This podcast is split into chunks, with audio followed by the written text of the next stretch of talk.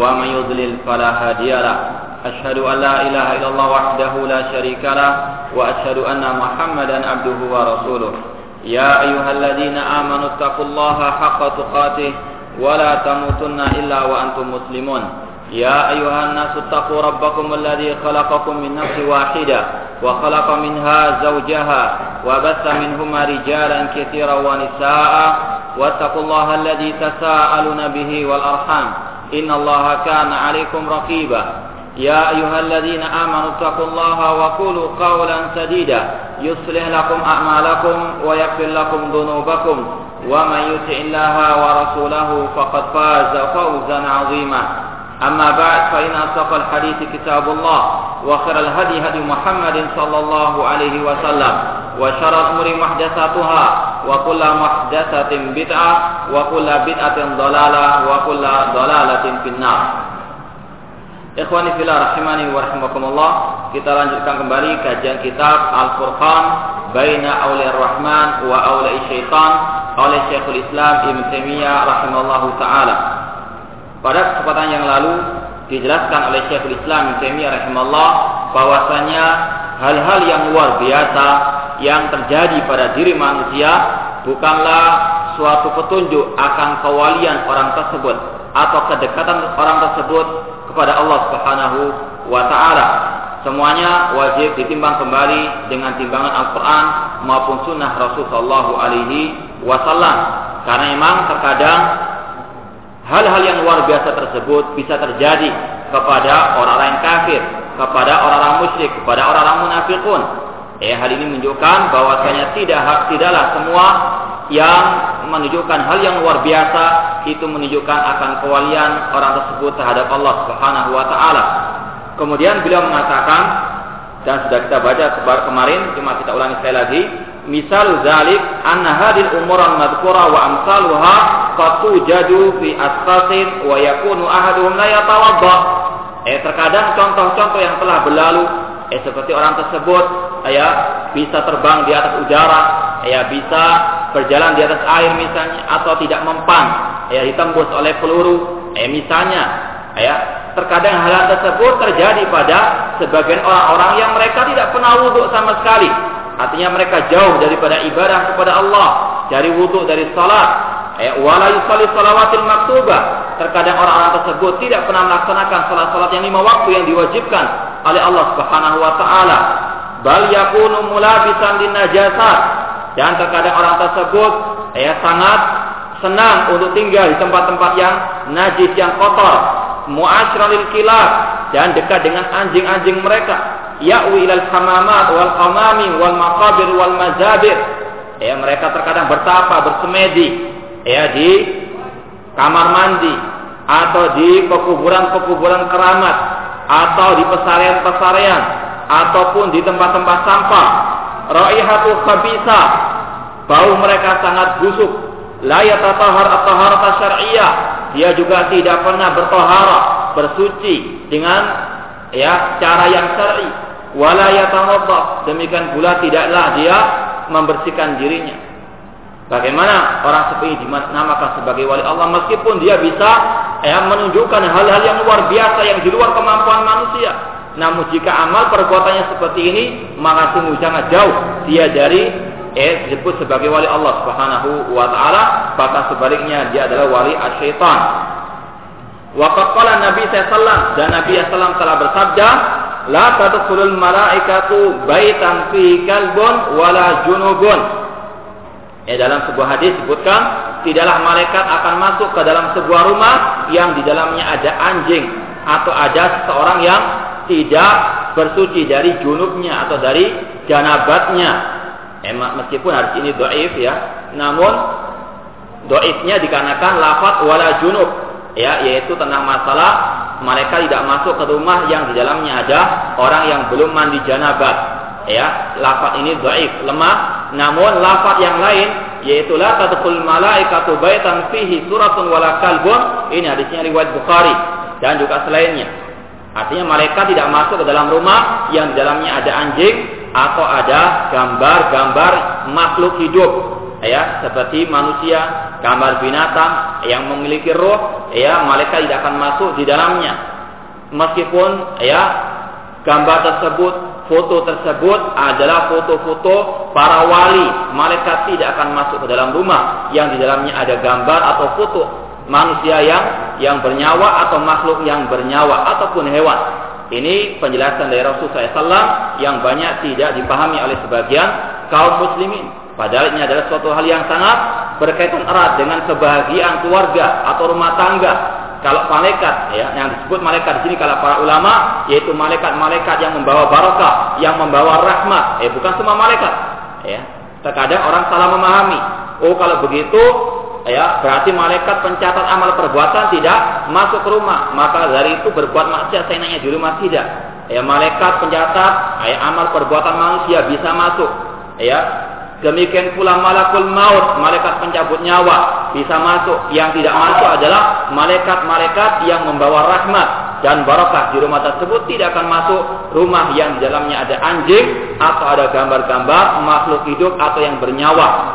Ya, Rasul mengatakan la tadkhulul malaikatu baitan fi suratun wala kalbun. Ya, demikian pula foto-foto para wali misalnya ini dilarang oleh Nabi Shallallahu Alaihi Wasallam. Eh bukan kita yang melarang, Nabi Sallam yang mengatakan mereka tidak masuk ya rumah yang di dalamnya ada gambar-gambar makhluk hidup tersebut. Eh bahkan sangat disayangkan sekali sebagian kaum muslimin bukan malah sekedar memajang saja, namun memiliki keyakinan-keyakinan ya bahwasanya foto-foto wali tersebut bisa menolak bala naudzubillah min syirik kepada Allah Subhanahu wa taala. Dan inilah yang terjadi ya sejak zamannya Nabi Nuh alaihi salam ketika lima wali yang telah meninggal dunia pertama kali setan membisikkan kepada manusia pada waktu itu untuk mereka memasang patung-patung mereka, gambar-gambar mereka untuk mengenang jasa-jasa mereka. Walam tu'bad ya meskipun tidak diibadai pada waktu itu kemudian setelah generasi berikutnya mereka pun beribadah kepada wali-wali yang telah meninggal dunia tersebut. Dan itulah awal kesyirikan awal mulanya dari gambar-gambar wali-wali tersebut. Ya, oleh karena itulah Rasulullah SAW melarang dengan sekeras-kerasnya tentang masalah gambar ya para wali-wali atau gambar apa pun juga dari manusia yang mana hal tersebut mendatangkan ya tertolaknya malaikat yang membawa barokah atau membawa rahmat dari Allah Subhanahu wa taala. Kalau malaikat tidak masuk, maka setan yang akan masuk yang akan merusak rumah tangga, yang akan merusak keluarga tersebut. Oleh karena itulah seorang muslim wajib untuk betul-betul ia berhukum dengan hukum Allah. Inilah hukumnya Allah, yaitu melarang gambar-gambar yang ada di rumah tersebut. Meskipun gambar seorang mujahid, meskipun seorang gambar yang dikatakan syahid diharamkan oleh Allah dan Rasulnya Shallallahu Alaihi Wasallam. Ini adalah sabda Rasulullah yang mana Rasulullah SAW la yang hawa in huwa illa wahyu yuha. Kalau malaikat tidak masuk ke dalam rumah yang ada anjingnya, maka bagaimana? Ayat seorang yang dikatakan wali memelihara anjing di rumahnya dan bahkan tidur dengan anjing tersebut. Ya, maka ini sebuah eh, tanda bahwa dia bukanlah wali Allah Subhanahu wa taala. Wa an hadil asliyah. Demikian pula Rasul pernah bersabda tentang tempat-tempat yang kotor seperti kamar mandi atau toilet dan sebagainya. Rasul bersabda, "Inna hadhihi hususha muhtadaratun." Sesungguhnya tempat-tempat kotor ini itu didatangi oleh para asyaitan. Ai tahdurha asyayatin. Oleh karena itulah seorang muslim jangan terlalu betah di kamar mandi atau di tempat-tempat yang kotor tersebut karena setan pasti ada di dalamnya. Ya. Dan inilah yang menunjukkan bahwa saya kalau itu sejak saya sudah senang nyepi di kamar mandi atau sudah sering untuk dia eh, berkhulwat di tempat-tempat kotor tersebut maka perlu ditanda tanyai ada apa dengan orang tersebut? Eh bisa jadi dia adalah temannya asyaitan. Ya. Seorang muslim kalau mau masuk kamar mandi berdoa, Allah inni a'udzubika minal khubuthi wal khaba'ith. Ya, berdoa jangan sampai dia diganggu oleh syaitan yang ada di tempat tersebut. Bagaimana seorang muslim ya senang untuk tinggal di tempat-tempat tersebut. Kemudian Nabi SAW bersabda, "Wa qala man akala min hataini syajarataini al-khabisatain fala yaqrabanna masjidana fa innal malaikata tata'azza mimma yata'azza minhu banu adama. Rasul bersabda barang siapa yang memakan dari dua pohon ini yang busuk ini yang dimaksud kata para ulama yaitu pohon atau bawang putih atau bawang merah Barang siapa yang makan dari dua pohon ini, yaitu bawang merah atau bawang putih, maka jangan dia mendekati masjid kami. Jangan masuk ke masjid kami. Karena malaikat akan tersakiti, akan terganggu. Ya, sebagaimana banu Adam manusia terganggu dengan bau bawang merah atau bawang putih tersebut. Jika dia makannya pasti ada ya, bau yang membekas di mulutnya. Malaikat ya, terganggu dengan bau tersebut. Ya, kalau bau bawang merah, bau bawang putih yang asalnya adalah halal, ya, itu dilarang untuk orang itu masuk ke dalam masjid, apalagi kata Pak ulama bau rokok, ya, maka lebih untuk ditekankan tidak masuk ke dalam masjid-masjid kaum muslimin. Ya. Dan ini sudah sering kita sampaikan, eh, seorang muslim wajib untuk dia bertakwa kepada Allah Subhanahu wa taala, ya. Masuk masjid saja dilarang, padahal adalah wajib ibadah kepada Allah Subhanahu wa taala. Namun dikarenakan dia akan memudaratkan orang lain, maka dilarang oleh Nabi Shallallahu alaihi wasallam. Tetapi lagi sudah tidak asing lagi, sudah tidak tersembunyi lagi bagi setiap kita eh bahwa saya rokok sangat mengganggu, mengganggu orang yang melakukannya atau orang yang ada di sekitarnya. Eh bahkan sudah pernah kita mendengar sendiri bagaimana banyak korban-korban yang tidak mereka melakukannya sendiri yang disebut dengan perokok pasif. Bahkan mereka terkena kanker dikarenakan orang yang dekat dengan dia merokok padahal dia tidak merokok. Oleh karena itulah Islam datang dengan kaidah secara umum la darara wa la dirar. Ya, tidak boleh seorang itu mengganggu orang lain atau mengganggu dirinya sendiri. Allah berfirman wala tulqu biaidikum ila tahluka. Jangan kalian menjerumuskan diri kalian ke dalam eh, kebinasaan. Wala taqtulu anfusakum. Jangan kalian membunuh diri kalian sendiri. Dan eh, kita bisa menyaksikan sendiri bagaimana pabrik yang memproduksi rokok tersebut telah bersaksi atas diri mereka sendiri bahwa saya rokok tersebut mendatangkan banyak kerugian, penyakit kanker dan lain seterusnya.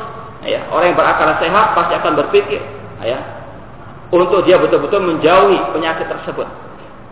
Dan insya Allah kalau dia berusaha pasti bisa untuk bertobat kepada Allah Subhanahu Wa Taala. Jangankan eh, merokok minum khamr para sahabat Rasul SAW. Eh, mereka adalah pecandu khamr. Mereka dahulunya adalah orang suka minum khamr.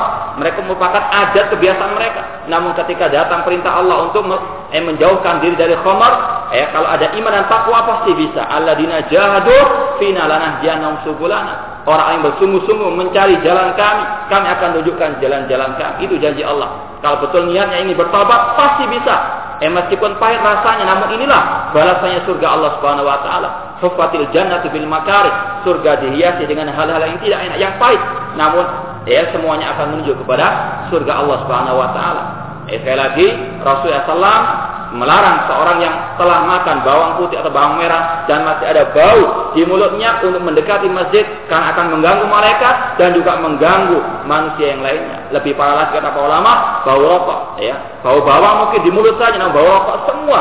Ujung rambut sampai ujung kakinya bau rokok semuanya. Ya, ini adalah suatu hal yang tidak tersembunyi lagi bagi kita. Maka seorang muslim wajib bertakwa kepada Allah Subhanahu wa taala. Ya, terlebih lagi seorang muslim pada hari kiamat nanti akan ditanya oleh Allah Subhanahu wa taala tentang lima hal. Di antaranya tentang hartanya, min aina iktasaba wa fima anfaqahu. Dari mana dia mengambil harta tersebut dan untuk apa harta tersebut? Akan ditanya terutama untuk ya membeli rokok akan ditanya oleh Allah Subhanahu wa taala. Latus alunna yaumadin anin naim. Sungguh kalian akan ditanya ya tentang nikmat yang Allah berikan kepada kepada kalian. Seorang yang membakar uang misalnya, orang lain akan mengatakan orang tersebut tidak ya atau kurang sehat akalnya dan tiap hari orang yang membuang hartanya dengan membakarnya. Inna la ta, la tubadzir innal mubadzirina kanu ikhwana syayatin. Janganlah kalian berbuat tabdzir memboros-boroskan uang menyia-nyiakan harta kalian. Sesungguhnya orang memboroskan atau yang menyia-nyiakan hartanya adalah saudaranya asyaitan. Ya, dan para fuqaha, para ulama mengatakan bahwasanya ya merokok itu hukumnya haram. Ini pendapat yang rajih. Kalau ada yang mengatakan makruh, Hukum makruh itu untuk ditinggalkan, bukan untuk dikerjakan. Ya. Makruh artinya jika ditinggalkan mendapatkan pahala, ya, jika dikerjakan, ya dia tidak berdosa. Namun untuk ditinggalkan, ya, meskipun sebetulnya kalau ada kata-kata makruh dalam kalimat ulama-ulama salaf, arti makruh itu adalah yang dibenci yang juga bisa berarti haram. Eh, sebagaimana Allah berfirman ketika menceritakan tentang masalah zina haram, membunuh anak sendiri haram, Ya, kemudian Allah berfirman, "Inna zalika kana sayyi'u inda rabbika kana makruha." Sesungguhnya kejelekan-kejelekan semua itu di sisi Rabbmu adalah makruh. Zina makruh hukumnya. Namun makruh dalam istilah Al-Quran, makruh dalam istilah ulama salaf terdahulu adalah al-haram. Ya, meskipun kita mengatakan itu makruh, namun makruh itu hukumnya untuk ditinggalkan, bukan malah di, dikerjakan. Inilah kebalikan eh, keadaan kaum muslimin yang sunnah ditinggalkan, oh sunnah saya tinggalkan. Makro dikerjakan. Padahal yang sunnah itu dianjurkan untuk dikerjakan, yang makro dianjurkan untuk ditinggalkan. Namun sebaliknya, yang sunnah ditinggalkan, yang makro dikerjakan. Ya. Kalau kita mengatakan itu, itu makruh, makruh itu artinya ditinggalkan, dibenci oleh Allah dan Rasulnya Shallallahu Alaihi Wasallam. Eh, kalau ada seorang yang merokok kemudian dikatakan wali, itu bukan wali Allah Subhanahu wa taala. Eh, wali Allah tidak merokok, ya. Wali Allah adalah yang bertakwa, beriman dan bertakwa kepada Allah Subhanahu wa taala. Kalau orang itu merokok, ya itu bukan wali-wali Allah Subhanahu wa taala, apalagi merokoknya di masjid, ngajar ngaji dengan merokok. Nauzubillah min dzalik, ya. Nauzubillah min dzalik, apalagi bisa dikatakan wali Allah. Jauh sekali dari gelar wali Allah Subhanahu wa taala, mengganggu para malaikat yang ada di masjid, mengganggu manusia, kemudian mengajarkan kepada murid-muridnya untuk merokok. Nauzubillah min dzalik, man da'a ila dhalalah kan ali wizruha wa wizru man amila biha la yang min auzarihim syai'a. Barang siapa yang menyuruh kepada kesesatan, maka baginya dosanya dan dosa yang mengikutinya sampai hari kiamat kelak dan tidak mengurangi dosa para pengikutnya. Kemudian Nabi SAW bersabda, Inna Allah tayyibun la yakbalu illa tayyiban. Sesungguhnya Allah itu baik, tidak menerima kecuali yang baik. Inilah Islam. Islam mengajarkan kebaikan. Islam mengajarkan ayat kesucian, mengajarkan kebersihan atau hurusatul iman. Nabi bersabda, sesungguhnya bersuci atau membersihkan diri merupakan bagian dari keimanan. Kemudian disebutkan di sini hadis yang dhaif, yang hadis yang lemah. Inna Allah nazifun yuhibbun nadhafa. Sesungguhnya Allah itu bersih, suka dengan kebersihan. Ini hadisnya lemah, namun ya bukan berarti Islam tidak mem, tidak menganjurkan untuk kebersihan tidak. Justru Islam menganjurkan kebersihan dengan ayat-ayat Al-Qur'an dan juga dengan hadis-hadis yang lain. Allah berfirman misalnya, "Innallaha yuhibbut tawwabina wa yuhibbul mutatahhirin." Sesungguhnya Allah cinta kepada yang bertobat dan cinta kepada orang yang mensucikan dirinya, suci batin ataupun lahir, lahir dan batin. Demikian pula dalam hadis yang sudah kita bacakan tadi, at-tahuru syatrul iman ya membersihkan diri bersuci itu bagian daripada al-iman. Adapun hadis yang sering ditempelkan di masjid-masjid an-nadzafatu minal iman, eh kata para ulama ini bukan hadis Rasulullah alaihi wasallam. Meskipun maknanya benar, namun ini bukan hadisnya Rasul, tidak boleh dipakai karena Rasul bersabda, "Man kadzaba alayya muta'ammidan falyatabawa maq'adahu minan nar." Barang siapa yang berdusta atas namaku, Eh Rasul tidak mengatakan seperti itu, namun orang mengatakan itu sabdanya Rasul.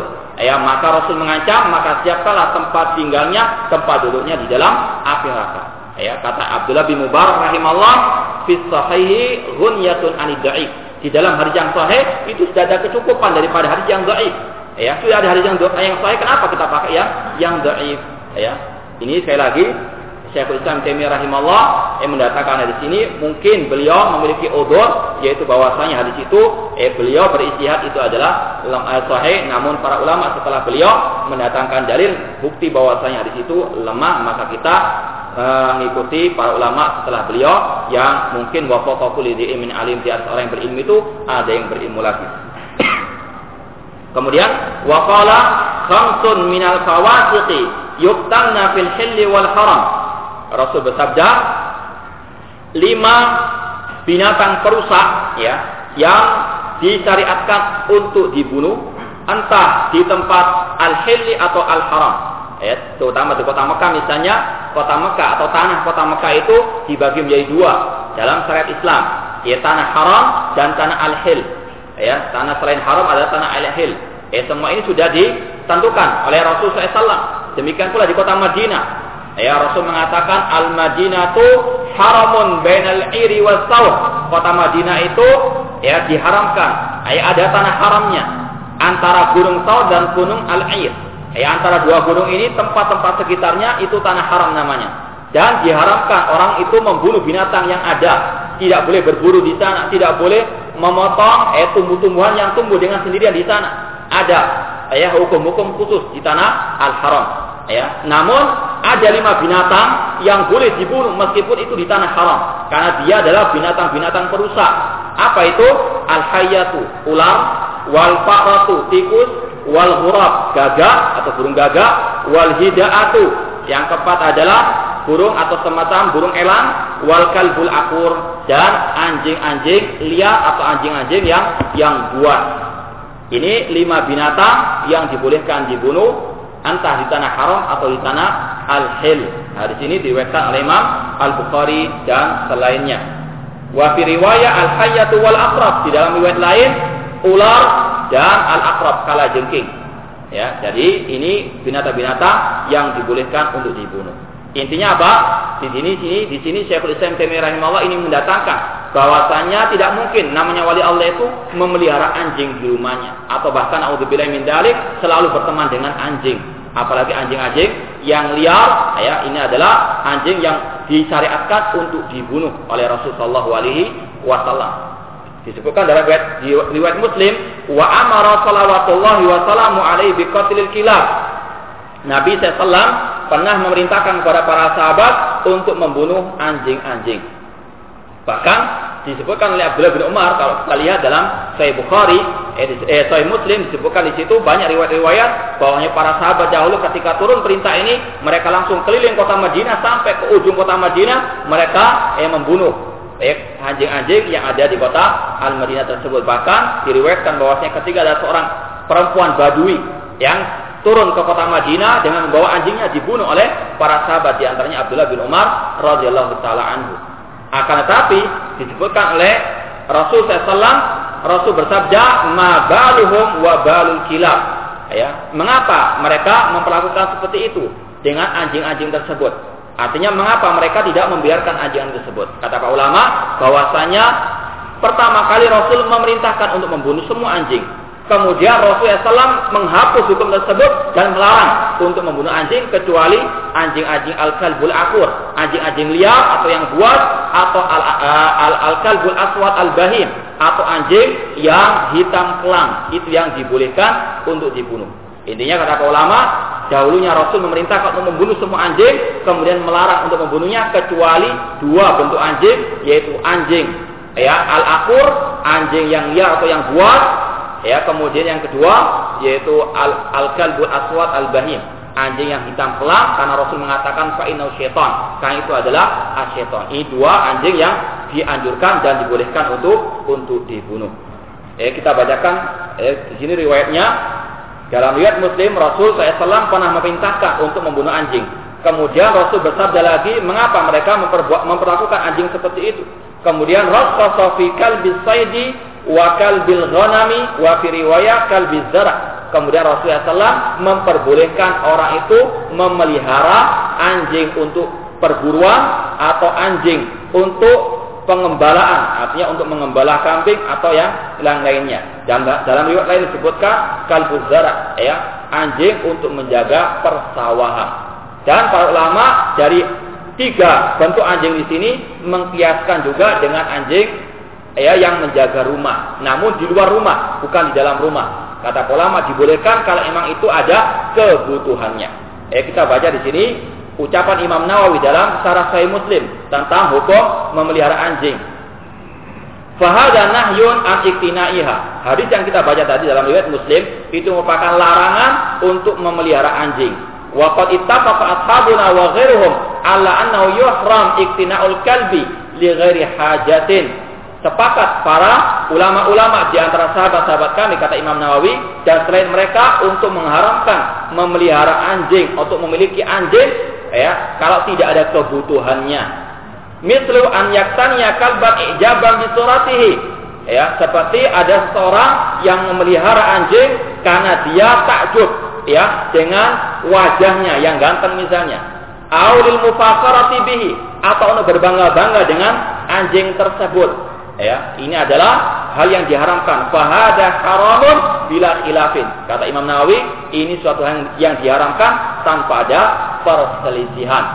Jadi diharamkan memelihara anjing kecuali ada kebutuhan. Contoh tadi untuk mengembala ya biar tidak dimakan oleh yang lainnya atau mungkin untuk eh, menjaga persawahan agar tidak datang maling atau mungkin menjaga rumah agar tidak datang maling eh meskipun harus tahu di luar jangan sampai masuk di dalam rumah. Ini dibolehkan oleh para ulama. Adapun untuk ya seperti tadi memeliharanya kemudian masuk ke kamarnya tidur bersamanya kemudian juga ya di jalan-jalan dan seterusnya eh tanpa ada kebutuhan yang darurat maka diharamkan oleh para al ulama kemudian waqala sallallahu Nabi sallallahu bersabda maniktana kalban la yughni anhu zar'an wala dar'an naqasa min amalihi kulla yawmin qirab Barang siapa yang memelihara anjing yang tidak bermanfaat baginya untuk persawahan atau untuk pengembalaan peternakan, maka setiap harinya pahala amal perbuatannya berkurang. Ya, setiap harinya amal perbuat atau pahala amal ber, amal pahala amal perbuatannya itu berkurang kata Nabi SAW. Hari ini riwayat Bukhari. Ya, orang yang memelihara anjing ya, tanpa ada kebutuhan sama sekali, hanya untuk sekedar pameran, untuk sekedar ya senang-senang saja tanpa ada kebutuhan yang mendesak, maka kata Nabi Sallam, eh, setiap hari pahala amalnya itu berkurang. Nabi SAW juga bersabda, La yashabul malaikatu rufqatan ma'hum kalbun. Eh, dalam hadis riwayat Muslim, mereka tidak akan menemani orang-orang yang dia bersahabat dengan anjing. Artinya selalu bersama anjing di rumah atau di luar rumah, dia selalu berjalan dengan anjingnya, maka malaikat tidak akan mendekatinya. Eh, maka tidak ada namanya wali Allah itu ya bersenang-senang dengan anjingnya. Artinya betul-betul dia ya dekat dengan anjingnya tersebut tanpa ada kebutuhan sama sekali. Bahkan Nabi SAW bersabda, "Idza walagal kalbu fi ina'i ahadikum falyaghsilhu." Apabila seekor anjing menjilat bejananya atau berjalan salah seorang di antara kalian, maka hendaklah dia mensucikannya.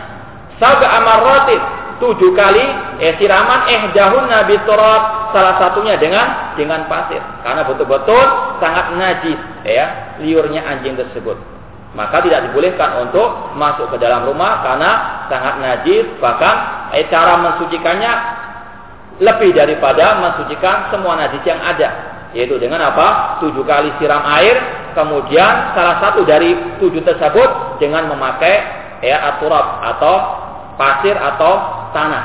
Ini menunjukkan bagaimana bagaimana nasinya anjing tersebut. Maka tidak selayaknya oleh seorang muslim dekat-dekat dengan anjing kecuali kalau memang betul-betul ada kebutuhan yang mendesak. Ini dibawakan oleh Syekhul Islam Taimiyah rahimahullah sebagai dalil bahwasanya wali-wali Allah bukanlah orang-orang yang kotor, yang tidak suka kebersihan dan mereka adalah orang yang jauh daripada anjing kecuali dalam keadaan darurat. Kemudian waqala ta'ala Allah berfirman, "Wa rahmati wasi'at kulla syai'in fasa'aktubuha lil ladzina yattaquna wa yu'tuna zakata bi yu'minun." Rahmatku kata Allah meliputi segala sesuatu. Dan aku akan berikan kepada orang yang bertakwa dan yang menunaikan zakat dan mereka beriman kepada ayat-ayat kami. Alladzina yattabi'una rasulan nabiyyal ummiyya alladzi yajidunahu maktuban indahu fit tawrati wal injil. Dan orang tersebut yang beriman dan bertakwa adalah orang-orang yang mengikuti rasul yang merupakan nabi yang ummi yang buta huruf yang mereka mendapati Rasulullah SAW tersebut termaktub di dalam kitab Taurat dan Injil apa sifatnya Rasul Muhammad SAW? Ya'muruhum bil ma'ruf. Rasul memerintahkan kepada yang ma'ruf. Dan yang paling ma'ruf adalah kepada tauhid. Wa yanhahum 'anil munkar. Dan Rasulullah SAW melarang daripada kemungkaran, yaitu dari kesyirikan dan dari hal-hal yang menyimpang. Wa yuhillu lahumut thayyibat. Rasul SAW di antara cirinya menghalalkan yang baik-baik. Wa yuharrimu 'alaihimul khaba'is dan mengharamkan yang busuk atau yang yang jelek. Di antara para ulama yang mengharamkan rokok, mereka berdalil dengan ayat ini bahwasanya Rasul SAW mengharamkan yang baik-baik dan yang dan Rasul mengharamkan yang jelek atau yang busuk. Dan semua tahu rokok adalah sesuatu yang busuk, yang jelek, yang mendatangkan banyak kemadaratan. Eh, maka dari itulah ayat rokok termasuk dalam bagian al khabais sesuatu yang busuk yang diharamkan oleh Rasul Shallallahu Alaihi Wasallam. Eh, sekali lagi di antara ulama yang mengharamkan rokok, ayat mereka berdalil dengan ayat ini, wa yuhillu thayyibat. Cirinya Rasul menghalalkan yang baik-baik, wa yuharrimu khaba'is dan mengharamkan yang busuk-busuk atau yang jelek wa yadau anhum isra wal aghlal allati kanat alaihim dan di antara ciri Rasul juga Rasul SAW ya meringankan beban dari dari mereka. Wa wa muflihun. Orang-orang yang beriman kepada Rasul dan menguatkan Rasul SAW, menolong Rasul SAW dan mengikuti cahaya yang diturunkan kepada Rasul SAW, maka mereka lah orang-orang yang muflihun, yang bahagia, yang sukses. Ya, orang yang sukses adalah orang-orang yang mengikuti Rasul SAW di antaranya tadi menghalalkan yang baik dan mengharamkan yang jelek ataupun yang busuk. Kemudian Syekhul Islam Taimiyah rahimahullah berkata, "Fa idza kana saqtu mubashiran lin najasat wal khaba'is allati tuhibbuha syayatin aw ya'wi ila al-hamamat wal khusus allati tahduru syayatin aw ya'kul hayati wal aqarib waz zanabir wa adan kilab allati yaqba'ithu wa fawasik au yashrabul baud wa nahwahu minan najasat allati tuhibbuha asyayatin. Au yaj'u ghairallah fa yastaghisu bil makhluqat wa yatawajjah ilaiha au yasjud ila nahiyati qabri syekh. Wala yukhlisu din rabbil alamin wala au yulabisul kilab au niran au ya'wi ila mazabil wal mawadi an najisa au ya'wi ila al maqabir wala siyama ila maqabil kufar min al yahudi wa nasara al musyrikin. Au yaqra al quran wa yanfir an wa wa yuqaddim alaihi sama al-ghani wal asyar wa yu'assir sama amazam syaitan ala sami kalam rahman fahadihi alamatu awla'i syaitan la alamati awli'i rahman. Eh dikatakan di sini apabila ada seseorang yang dia cirinya eh selalu suka dengan yang najis atau yang busuk tadi, yang jelek-jelek tadi, yang disukai oleh setan, atau dia suka untuk bertapa, bersemedi, atau tinggal di kamar mandi, atau ya di tempat-tempat yang kotor, yang juga didatangi oleh setan, atau dia memakan ular, atau dia memakan kala jengking, atau dia memakan ya eh, eh, pemangsa, atau dia memakan telinganya anjing, atau sekarang banyak orang yang memakan ladang monyet dan seterusnya yang yang mana merupakan khobai sesuatu yang busuk, sesuatu yang merusak atau dia terkadang meminum ya kencingnya sendiri untuk mendekatkan diri kepada setan-setan mereka. Ini di antara ya jalan-jalan menuju kepada ya derajat paranormal derajat menuju kepada orang pintar kata orang sekarang atau kepada perdukunan. Ya, tidak ada orang yang bisa sampai kepada derajat paranormal atau ke derajat tukang sihir, tukang santet atau ya, tukang-tukang dukun tersebut kecuali kufur kepada Allah Subhanahu wa taala dengan berbagai macam cara yang dibisikkan oleh setan-setan jin-jin mereka. Ini adalah suatu hal yang bukan merupakan rahasia umum, rahasia pribadi, namun suatu hal yang sudah dikira secara umum. Eh, tidak ada seorang yang bisa menjadi dukun, ya, atau orang yang pintar kata manusia atau paranormal kecuali dengan dia betul-betul dia jauh daripada tauhid, betul-betul dia harus kafir, kufur atau musyrik kepada Allah Subhanahu wa taala. Eh, meminum kancingnya sendiri atau ya dekat dengan hal-hal yang najis yang dicintai oleh syaitan atau dia berdoa kepada selain Allah, beristighatsah kepada jin-jin ya, wa ilaiha. Ya atau dia menyerahkan ibadahnya kepada eh, jin-jin tersebut. Au yasud ila nahiyati qabri atau dia ya setiap malam Jumat misalnya eh mendatangi kuburan syekh atau kuburan wali fulan. Ya meminta-minta kepada ya wali-wali tersebut yang telah meninggal dunia. Artinya berbuat syirik kepada Allah Subhanahu wa taala Eh, berapa banyak orang-orang seperti itu yang mereka sukses ya jadi apa? Jadi dukun sukses untuk kafir, sukses untuk musyrik dan sukses untuk diancam kekal di dalam api neraka. Nauzubillah min dzalik. Dan dia tidak mengikhlaskan agama untuk Allah Subhanahu wa taala. Dan dari kita ceritakan bagaimana dukun-dukun tersebut menghinakan Al-Qur'an, ya. Orang kafir masih kalah penghinaan mereka, ya, kepada Al-Qur'an dari orang-orang tukang-tukang dukun tersebut. Ya, kalau ada orang-orang kafir menghina Al-Quran, ya mungkin mereka sekedar apa merobi Al-Quran atau melempar Al-Quran.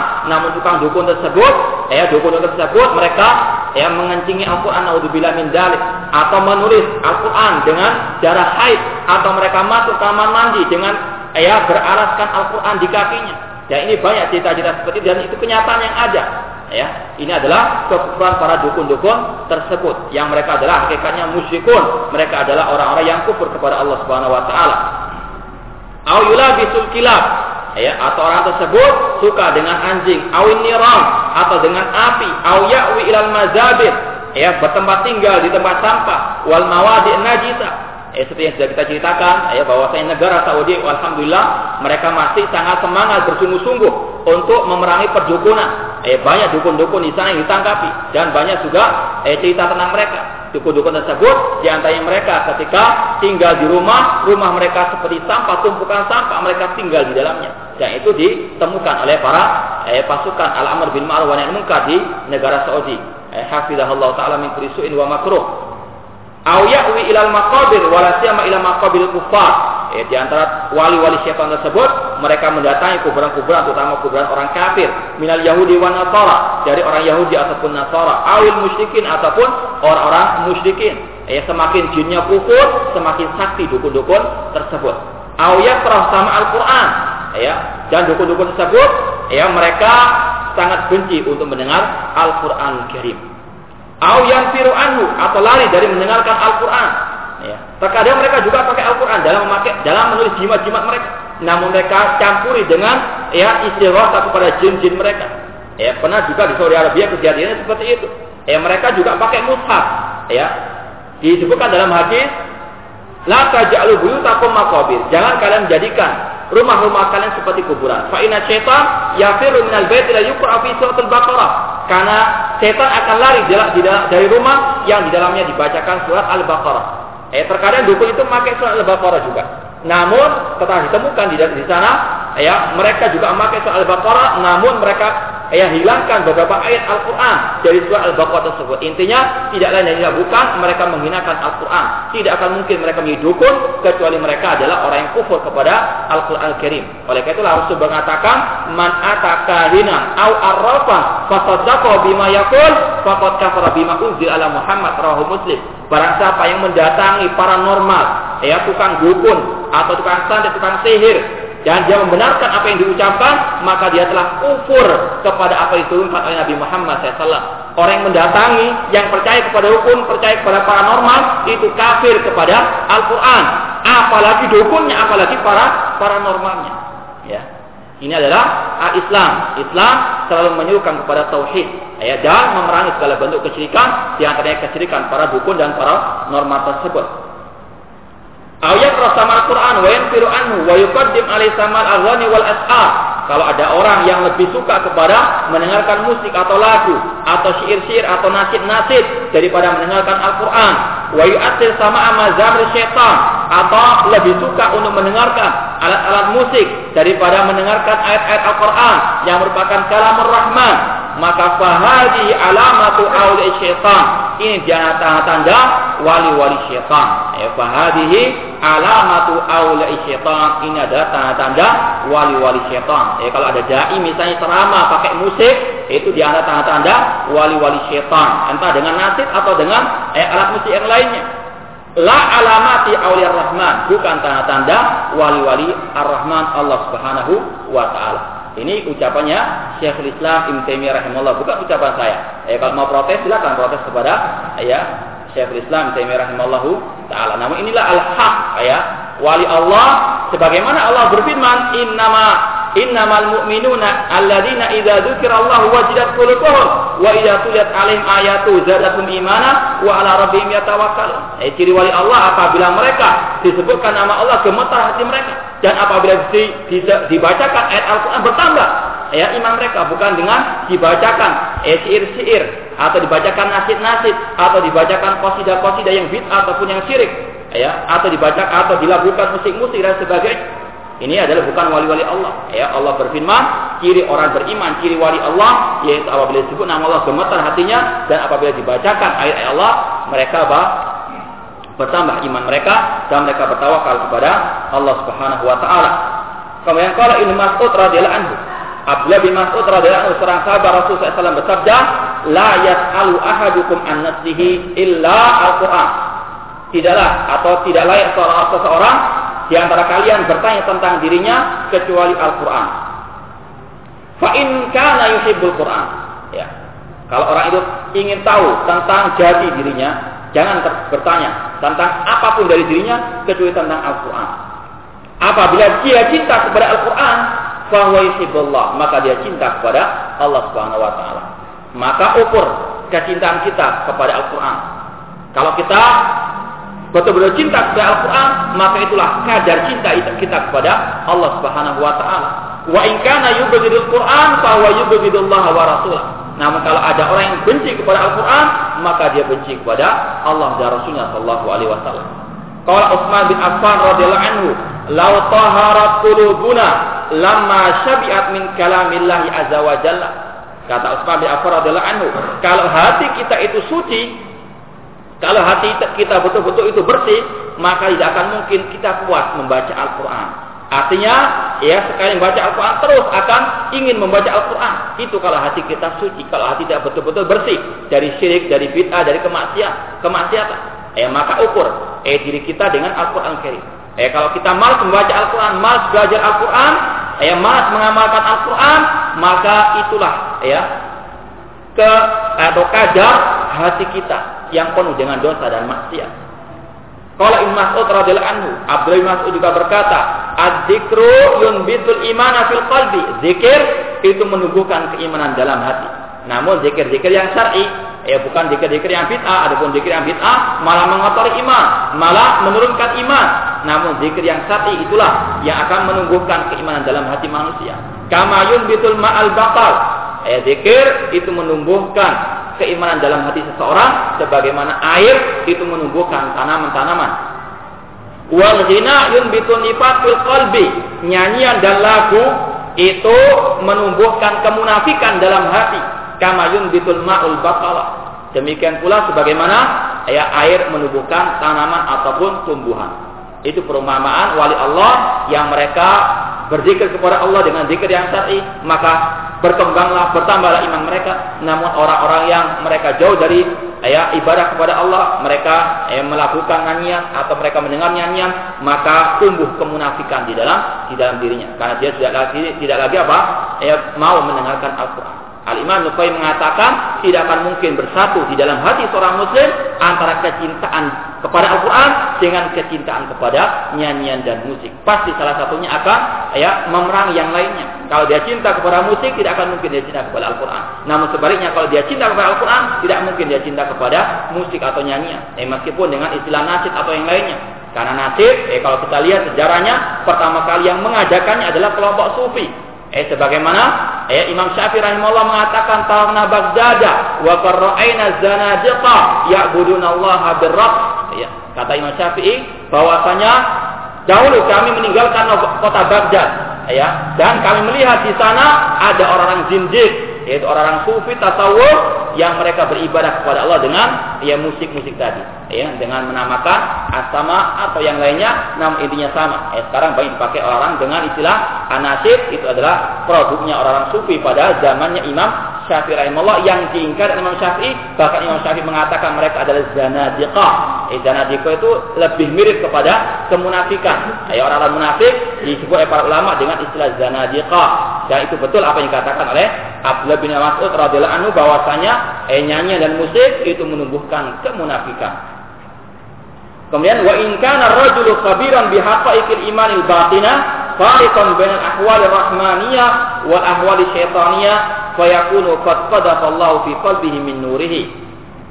Apabila seseorang dia betul-betul paham tentang hakikat keimanan yang batin, artinya betul-betul paham akidah yang benar, betul akidah yang sahih, betul-betul paham dan dia bisa membedakan bagaimana keadaan wali-wali Allah dan wali-wali syaitan, maka sungguh Allah akan menancapkan, akan memberikan cahaya di dalam di dalam hatinya. Ya betul-betul dia akan betul-betul bisa membedakan mana hak, mana yang batil. Allah berfirman, "Ya ayyuhalladzina amanu taqullaha wa aminu bi rasulih yu'tikum kiflaini min rahmati wa yaj'al nuran tamshuna bih wa yaghfir lakum." Wahai orang yang beriman, bertakwalah kepada Allah dan berimanlah kepada rasulnya.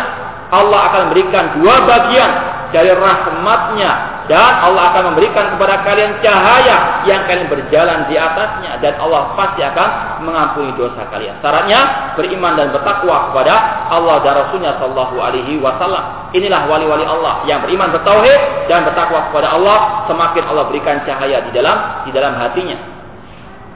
Surat Al-Hadid ayat 28. Demikian pula Allah berfirman, "Wa kadzalika auhayna ilaika ruham min amrina ma kunta tadri mal iman, mal kitab wal iman, walakin ja'alnahu nuran nahdi bihi man nasha min ibadina wa innaka la tahdi ila siratim mustaqim." Demikianlah kami wahyukan kepada Muhammad ruhan yaitu Al-Qur'an min amrina dari perkara kami Makun tata dari mal kita wala iman yang mana dahulu engkau tidak mengetahui apa itu Al-Quran ataupun iman. Akan tapi kami memberikannya kepadamu cahaya dan dengannya lah kami memberikan hidayah kepada hamba-hamba kami yang kami kehendaki dan sungguh engkau Nabi Muhammad bisa menunjukkan kepada jalan yang lurus. Ya, orang yang mengikuti Nabi Muhammad SAW maka dia telah mengikuti cahaya Allah Subhanahu wa taala.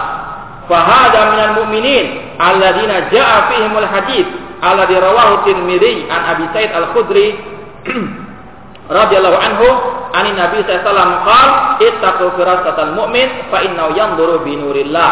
Eh disebutkan dalam hadis riwayat Tirmidzi dari Abu Sa'id Al-Khudri namun hadis ini dhaif hadis ini lemah. Ya dikatakan bahwasanya hati-hatilah terhadap firasatnya orang-orang mukmin karena dia melihat dengan cahaya Allah Subhanahu wa taala ini hadisnya lemah, akan tetapi perlu kita yakini pula bahwasanya orang yang beriman yang betul-betul bertakwa kepada Allah Subhanahu wa taala, ya Allah memberikan cahaya kepadanya. Arti cahaya di sini bukan cahaya seperti ya yang dimaksud orang sufi, ya nurun ala nur. Ya bahwasanya Nabi Muhammad diciptakan dari nur, dari cahaya, bukan itu maksudnya. Namun cahaya Allah artinya ilmu yang Allah berikan kepada orang tersebut yang bisa membedakan mana syirik, mana tauhid, mana bid'ah, mana sunnah, mana taat, mana maksiat sebagaimana dikatakan oleh Imam Al-Waqi, gurunya Imam Syafi'i rahimahullah. Imam Syafi'i pernah mengatakan, "Syakautu ila waqi'in su'a hifzi, fa arsadani ila tarkil ma'asi." Wa qala i'lam anna al-ilma nurun wa nurullah la yuhdali 'asi. Kata Imam Syafi'i rahimahullah, aku pernah mengeluhkan tentang jeleknya hafalanku kepada Imam Waqi, kepada guruku Al-Waqi. Ya, kemudian beliau berkata dan menasihati diriku ya bahwasanya ya, agar aku meninggalkan kemaksiatan karena cahaya Allah. Karena ilmu itu adalah cahaya dan cahaya Allah tidak akan diberikan kepada orang yang berbuat kemaksiatan. Ya, arti cahaya di sini sekali lagi penerang yang menerangi jalan manusia. Mana tauhid, mana syirik dan dia bisa melangkah untuk menuju kepada tauhid kepada Allah Subhanahu wa taala. Eh bukan cahaya-cahaya yang diistilahkan oleh kelompok sufi. Wa qad taqaddama al-hadits sahih alladhi fil Bukhari wa ghairihi qala fihi dan telah disebutkan hadis sahih yang diriwayatkan Imam Bukhari yang diistilahkan dengan istilah hadis wali. Nabi SAW bersabda, Allah berfirman, La yazalu abdi yataqarrabu ilayya bin nawafil. Di antara ciri wali Allah, kata Allah Subhanahu wa taala dalam hadis qudsi ini, ya senantiasa hambaku mendekatkan dirinya kepadaku dengan perbuatan yang nawafil, yang sunnah. Hatta wahibahu sampai aku pun mencintainya. Faida ahbabtu kalau aku mencintainya, Kuntu sam'ahu ladhi. Maka aku akan menjadi pendengarannya yang dia mendengar dengannya. Kata para ulama artinya Allah akan meluruskan semua pendengarannya. Dia tidak mendengarkan kecuali al-haq. Dia tidak mendengarkan yang haram seperti musik. Ya, ini ciri wali Allah. Diluruskan pendengarannya oleh Allah Subhanahu wa taala wa basara alladhi yubsiru bihi. Kalau aku mencintainya, maka aku akan menjadi penglihatan yang dia melihat dengannya. Artinya betul-betul dia melihat ya dengan ya petunjuk dari Allah tidak melihat kecuali yang halal, tidak melihat yang haram. Wa yadahu allati yabtishu biha.